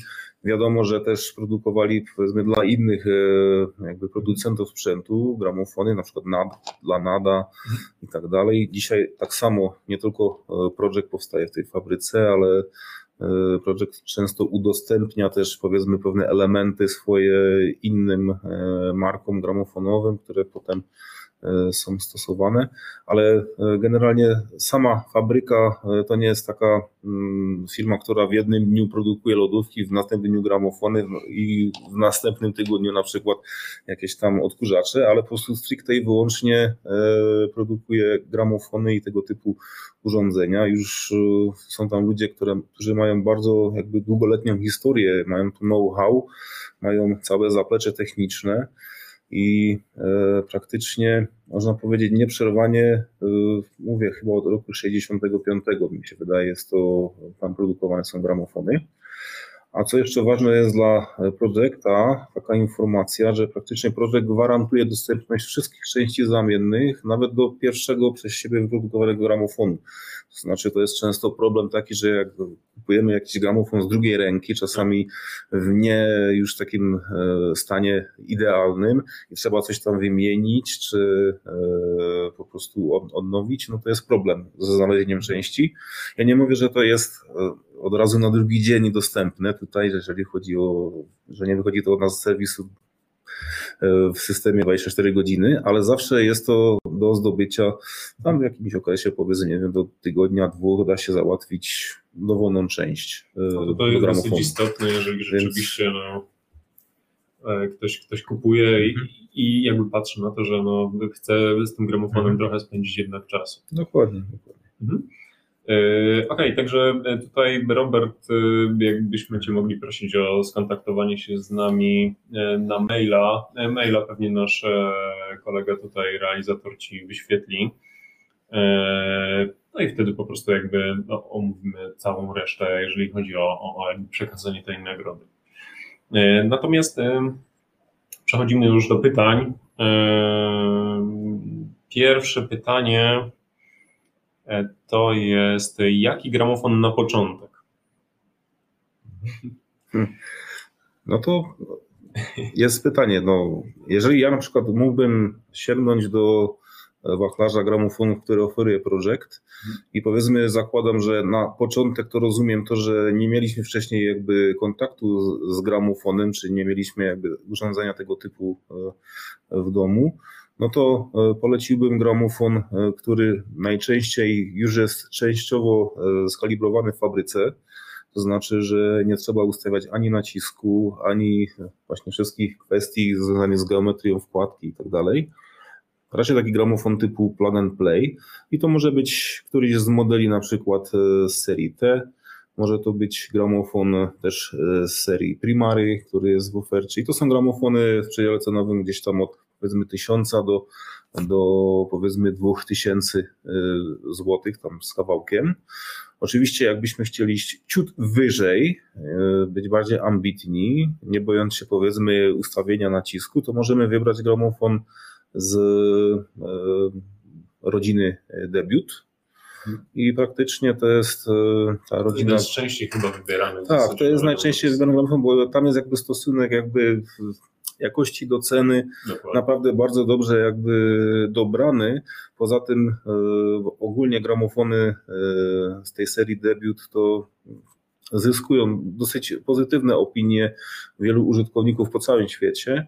Uzyskały też już wiele właśnie nagród tam, czy już z redakcji tam Hi-Fi Choice, World Hi-Fi, czy też e, ACEY i muszę powiedzieć, że e, właśnie podstawą tego, e, e, tej filozofii projekta to jest high-end for low price, to znaczy high-end jakby w takiej rozsądnej cenie. Nie mówię, że w niskiej cenie, bo w niskiej cenie to może być tam gramofon za 300 zł jakiś plastikowy, ale już nie rozmawiamy o high-endzie nie, w tym momencie. A projekt stara się zrobić coś takiego, żeby nawet w tym najtańszym gramofonie wszystkie materiały, które są użyte, były po prostu mm, jak najbardziej jakby fair w stosunku do tego, co chcemy zaoferować temu klientowi. To znaczy, że na pewno nie używamy byle jakich elementów z plastiku, coś błyskotliwego, żeby to jakoś mega dobrze wyglądało, co do końca się aż tak nie przekłada na brzmienie, ale bardziej, bardziej idzie tą stroną, żeby powiedzmy materiał i wszystkie te elementy, które są i robią nam jakby potem już cały gramofon były odpowiednio dobrane. Więc mówię, z tych gramofonów na sam początek to myślę, że debiut już swoją nazwą jakby e, troszeczkę nam ewokuje właśnie to, co możemy wybrać. Jeżeli oczywiście chcielibyśmy na przykład, jeszcze powiem na sam początek, nawet nie mając systemu gotowego, to projekt też ma w ofercie, a nie tylko projekt gramofon, który posiada wbudowany już wzmacniacz, do którego wystarczy podłączyć parę kolumn Często są tam jeszcze wejścia jakieś liniowe, że możemy, nie wiem, choćby CDK podłączyć dodatkowo albo jakieś in, inne źródło. Często też jest kwestia na przykład Bluetooth, możemy sobie choćby odpalić Spotify'a przez ten gramofon korzystając jakby z tych, z tych możliwości połączenia i w tym momencie nie musimy budować od nowa jakiegoś tam systemu nie wiadomo jak kosztownego, ale bardzo szybko i w dobrej, muszę powiedzieć, jakości możemy zbudować system e, stereo oparty na głośnikach, czy już tam e, podstawkowych, czy już niewielkich głośnikach e, podłogowych. No i wszystko, wszystko jest właściwie w, w jednym urządzeniu w gramofonie. Ten gramofon nazywa się Jukebox. On występuje w dwóch wersjach: Jukebox E, taki podstawowy, i Jukebox S2, który jest oparty już potem na trochę lepszej wkładce i trochę innych tam też jakby e, już składowych tego gramofonu. Ale pierwszy gramofon to na pewno bym celował w debiuta. Mhm. Jakby tutaj dodając jeszcze z tego, co, e, co tutaj też powiedziałeś, już w zasadzie poruszałeś podczas tego, e, tej, tego swojego mm, takiej prelekcji, mm, to na pewno jest to, co, to, o czym wspominałeś, że to w zasadzie zależy, na jakim jesteśmy etapie i w zasadzie jaki mamy też trochę system. Bo pierwszym gramofonem, tak jak właśnie wspominałeś, może być e, X8, ale może być też e, e, na przykład debiut Carbon, tak?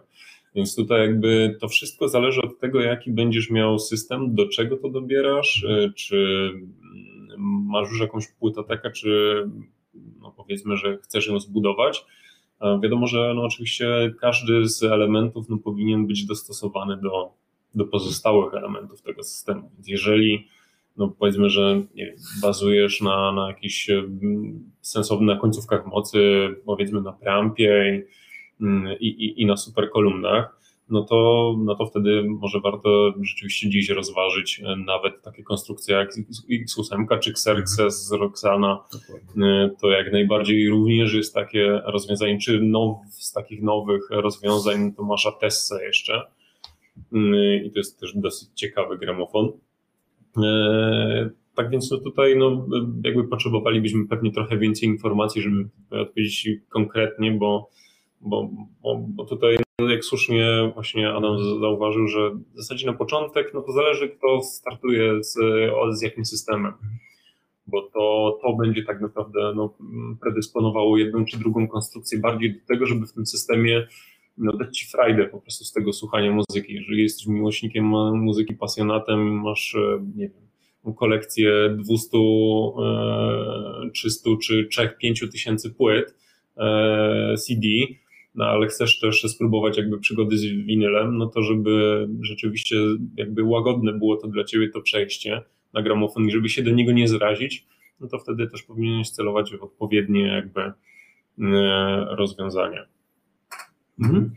E, idąc dalej, e, tutaj widzę, że wszyscy nas powitali, także witam wszystkich.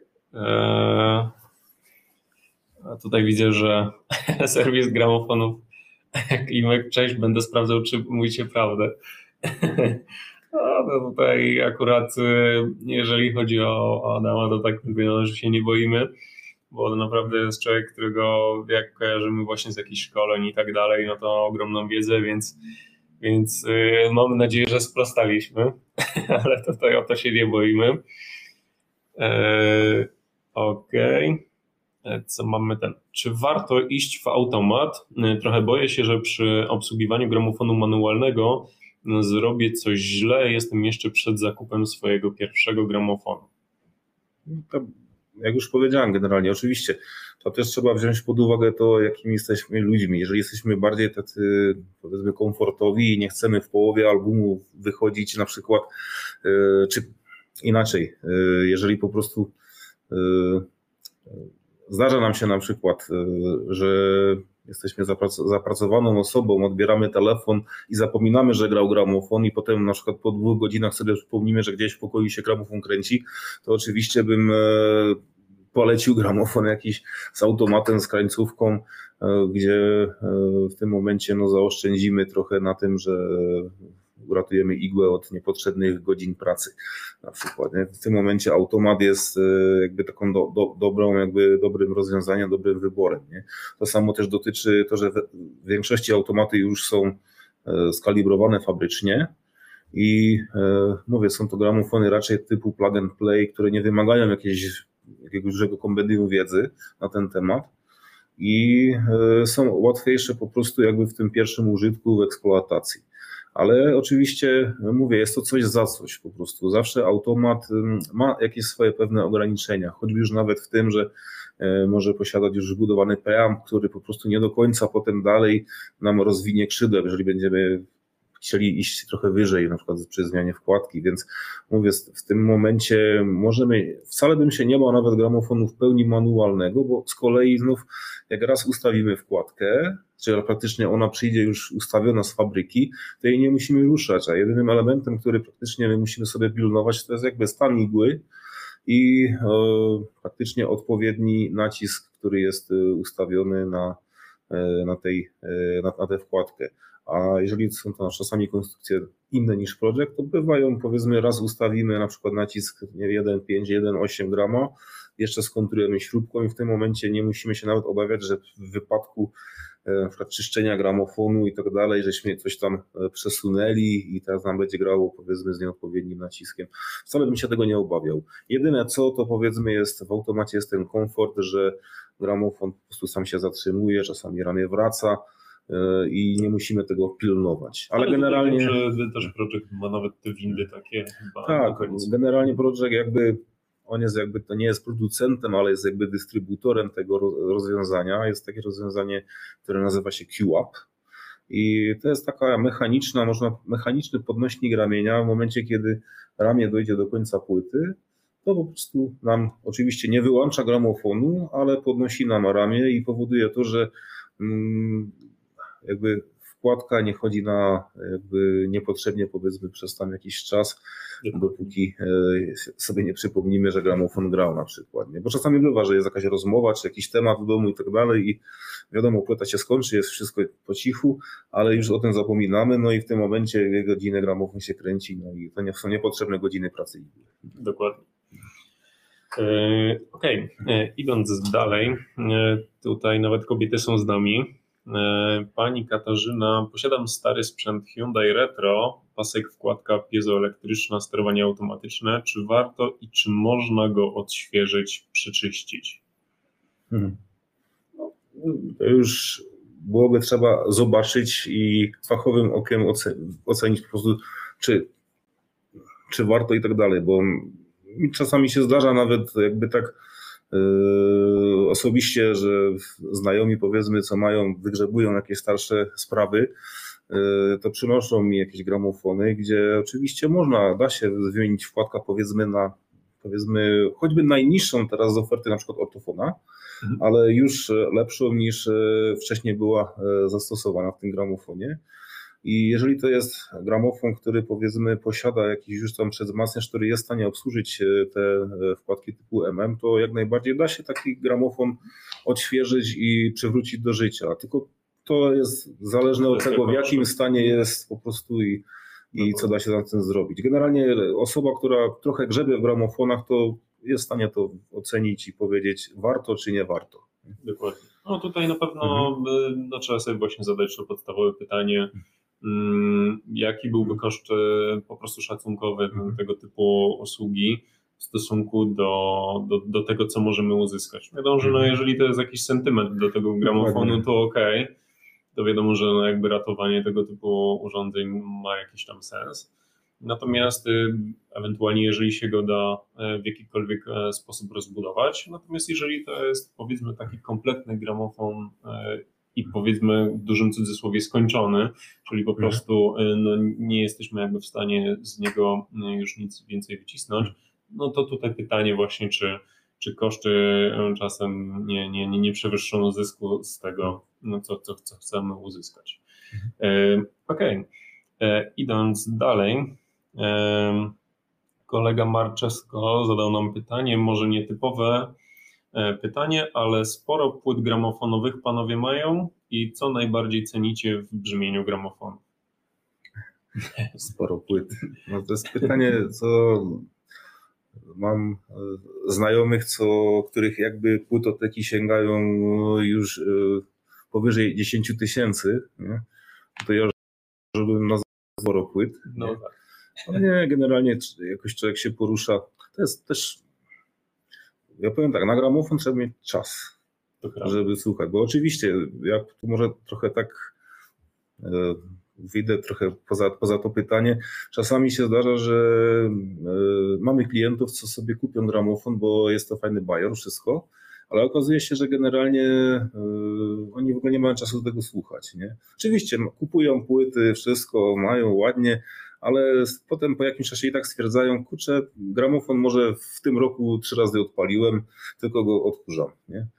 Ja akurat jestem w pozycji takiej, że oczywiście tam mając rodzinę i tak dalej, czasami bywają takie e, zgrzyty, bo ja chcę sobie coś posłuchać swojego, co jest fajne, a przychodzi najmłodsza córka i mówi, że na to się nie da tańczyć na przykład, nie? że to jest mhm. nie do tańca i trzeba zmienić repertuar. Nie? Ale generalnie jakby jakąś płytotekę oczywiście człowiek sobie zbiera, oczywiście według sam swoich jakby upodobań. Czasami ja mówię, bardzo fajne jest dzisiaj połączenie właśnie e, też e, streamera i gramofonu.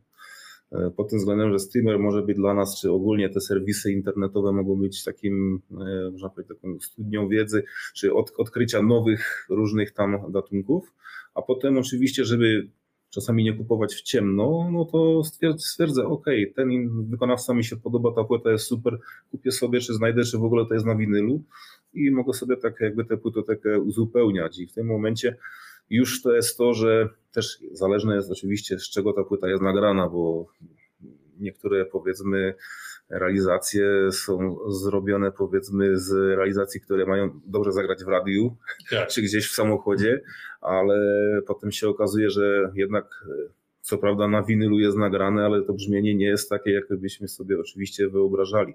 Ale generalnie w większości staramy się kupować takie płyty, które po prostu grają dobrze i praktycznie jest tam to coś, powiedzmy, w tym winylu, co odróżnia to od jakby odtwarzania z źródeł cyfrowych. Praktycznie faktycznie często nawet e, słuchając gramofonu, są właśnie te pewne aspekty, że nawet te spektrum, które my nie słyszymy, w jakiś sposób możemy Zobaczyć, odczuwać, powiedzmy, czy rejestrować. A to jest właśnie takie to coś, co tam z tym gramofonem po prostu jest jakby więcej niż jakby z tym plikiem czy z płytą CD. A poza tym jakby sama też słuchanie płyt winylowych to jest taka pewna obrzędowość, bo mm, dla, mówię, czasami gramofon nie jest dla wszystkich. Niektórzy ludzie stwierdzą po czasie, że nie, bo powiedzmy muszą podchodzić do gramofonu, zmieniać powiedzmy e, na stronę drugą i tak dalej. Tam zachody z różnymi tymi e, środkami, żeby wyczyścić płytę, igłę i tak dalej, to mi się nie podoba. A ja z kolei mówię, że czasami jest to taki idealny moment, żeby się wyciszyć, wyciszyć trochę przyhamować, no i w tym momencie nawet może być płyta w nie najlepszym stanie, przepraszam, i yy, znając ten repertuar, to odpoczywamy przy tym. Dokładnie. Ja tutaj jakby się ustosunkowując do tego pytania, mm, to akurat też nie jestem e, rzeczywiście winylowy, ja bardziej w płyty e, i tutaj jeżeli chodzi o płyty, no to mam dosyć dużą płytotekę, chociaż coraz częściej łapię się też na tym, że posiadając jakiś tam odtwarzacz strumieniowy, to jest moja taka pierwszy krok z muzyką na zasadzie po prostu poszukiwań, a później już chyba trochę raczej bardziej z przyzwyczajenia gdzieś tam tą płytę kupuję e, CD. Natomiast co cenię jakby w brzmieniu gramofonów, no najczęściej rzeczywiście odsłuchuję tutaj w pracy. Na pewno no, taki dosyć charakterystyczny styl e, tego grania. E, to jest trochę tak jak z lampowcami. No, są fani lampowców właśnie ze względu na trochę ich urok. E, takiego grania, mm, na to, że, że, że, że po prostu to jest takie dosyć charakterystyczne brzmienie, chociaż oczywiście ono może być stricte takie, które e, często osoby kojarzą z, powiedzmy z jakimś tam analogiem. Ale no, nie jest powiedziane, że gramofon musi grać jakoś tak bardzo gęsto i tak jak najczęściej się wszystkim wydaje. No tutaj jak najbardziej gramofon to też jest rozwiązanie, które oferuje sporo detali, tak jak tutaj właśnie też Adam wspominał wcześniej, e, jest w stanie wyciągnąć czasem nawet właśnie to, co w muzyce jest takiego fajnego, właśnie ten blok trochę taki e, tej muzyki.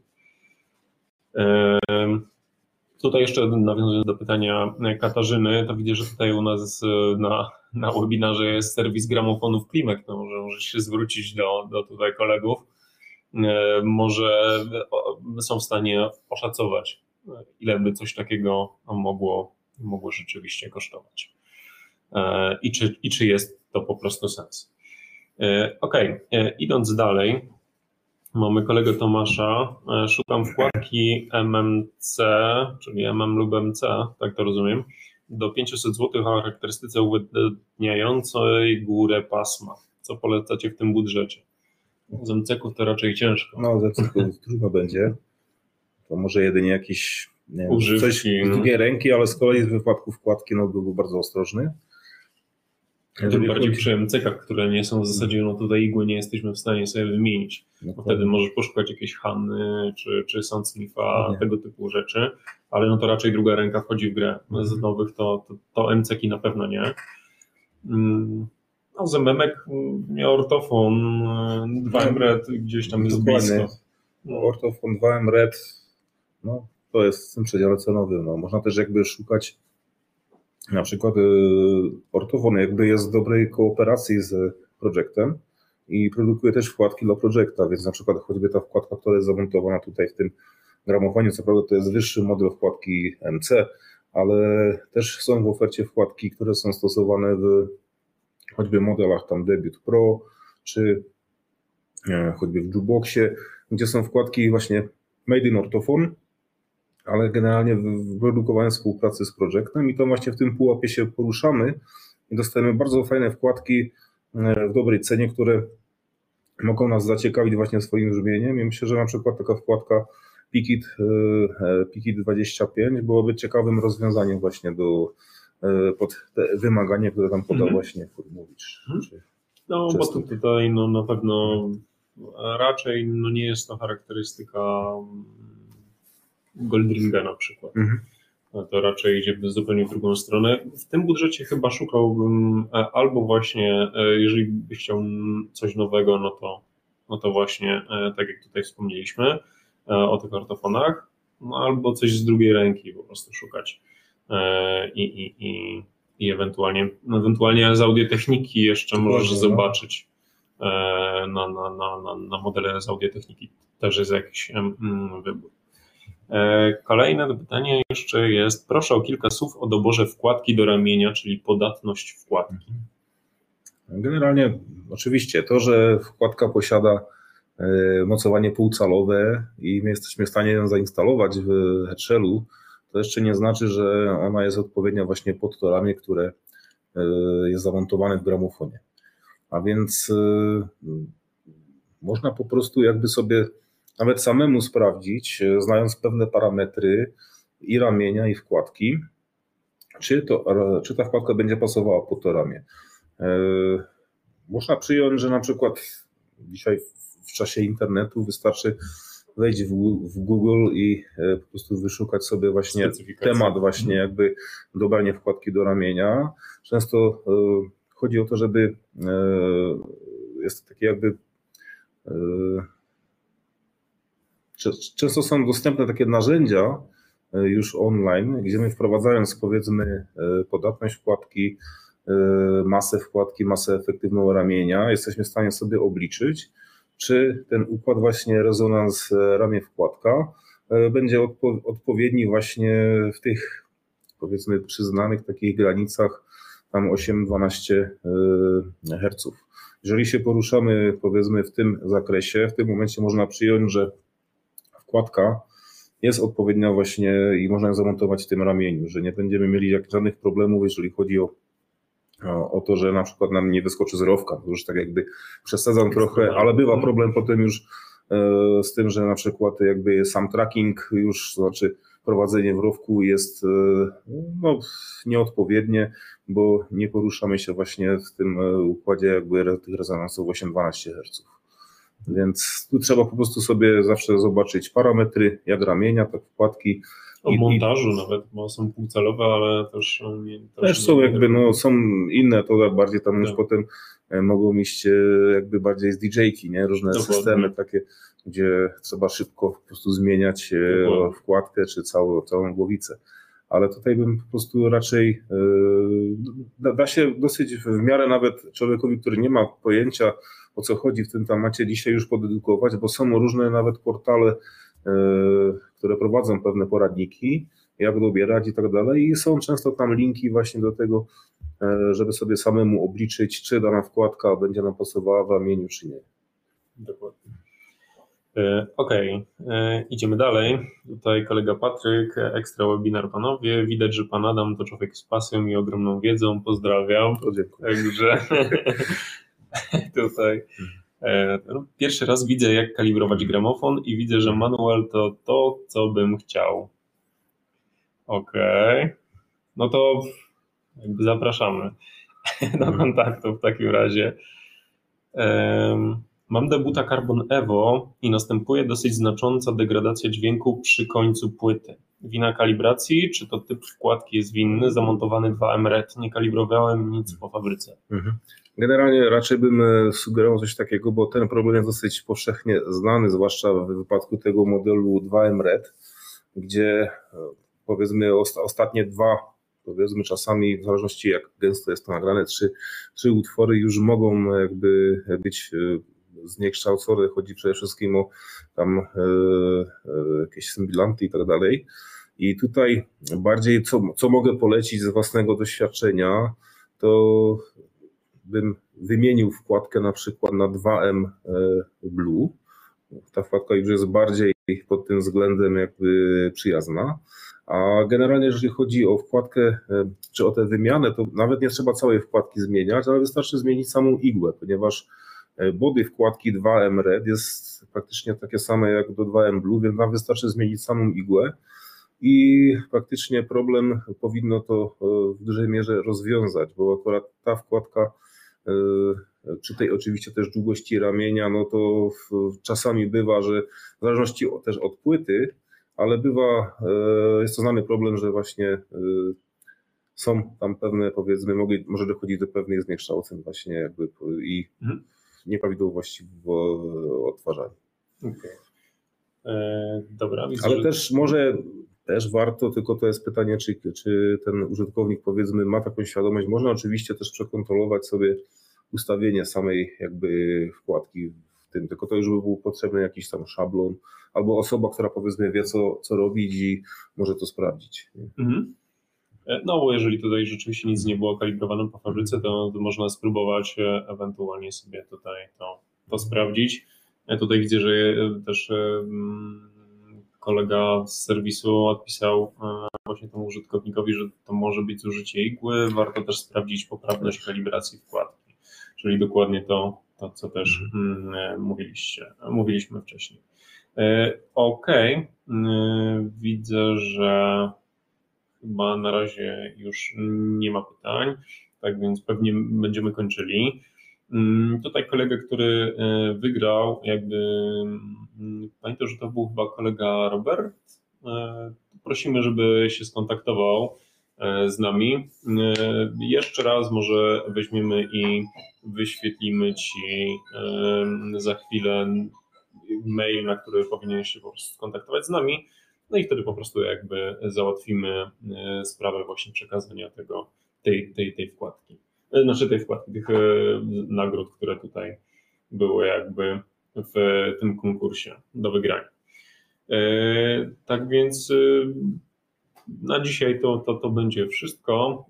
Tak jak mówię tutaj kolega zaraz. Mhm. Ja jeszcze może tak bym może wstąpił troszkę do tego, jakby się jeszcze może w trakcie pojawiły jakieś pytania i no. może by to bardziej dotyczyło nie jakiegoś tam wyboru gramofonu czy projekta i tak dalej, mhm. to E, na pewno e, S4 Home jest w stanie przekierować te pytania do mnie, ja już to mogę bezpośrednio potem w, w trakcie powiedzmy tygodnia poodpowiadać, czy, czy udzielić odpowiedzi na to, co jest pytane. Dokładnie, no bo tutaj, e, tak mówię, no tutaj jak widzieliście, Adam ma dosyć ogromną wiedzę, no sporo wie o, o, o projekcie i w zasadzie nie tylko, więc no jeżeli byście mieli jakieś pytanie, jeżeli będziecie, to, to piszcie je po prostu w sekcji komentarzy, nie tutaj teraz na czacie, bo te, które będą na czacie, to już później się nie będą nam wyświetlały.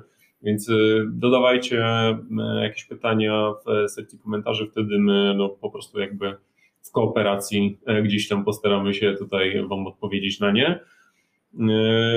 A tymczasem no, życzymy Wam jakby już miłego wieczoru w tym momencie. Mamy nadzieję, że się Wam podobało, że poznaliście trochę bardziej tych świat gramofonów i spowodowało może, że rzeczywiście e, gdzieś tam dla tych, którzy się zastanawiali nad ewentualnie tym, czy w ogóle wybrać ten gramofon, czy, czy, czy, czy przesiąść się z CD na chwilę na gramofon, mm, czy może nawet na dłużej, no to jakby rozwiało Wam wszelkie wątpliwości. E, tak więc będziemy się żegnać. Ja ze swojej strony polecam Wam śledzić wasz, nasz, nasz kanał. Oczywiście, jeżeli e, będzie on dostępny, to, to nagranie z dzisiejszego webinara, które jest na żywo w tym momencie realizowane, e, będzie również dostępne w formie zapisu e, jako film. Tak więc do ewentualnie takich elementów, do których chcielibyście wrócić, jak najbardziej będziecie mogli. Ja się z Wami żegnam. Zostawiam jeszcze ostatnie słowo Adamowi jako naszemu gościowi. E, dziękujemy też za, za, za przybycie, za tą wiedzę, którą tutaj jakby przekazałeś naszym, e, naszym oglądającym. E, mamy nadzieję, że się Wam rzeczywiście przyda i że, że będziecie już bogatsi w tą wiedzę i będzie Wam łatwiej przejść ten taki początek właśnie wyboru swojego pierwszego gramofonu. No to jeszcze raz podziękuję za zaproszenie. No i generalnie można się pożegnać takim też jakby sloganem, który kiedyś wprowadził po prostu projekt Go Analog. Dziękujemy. Do zobaczenia.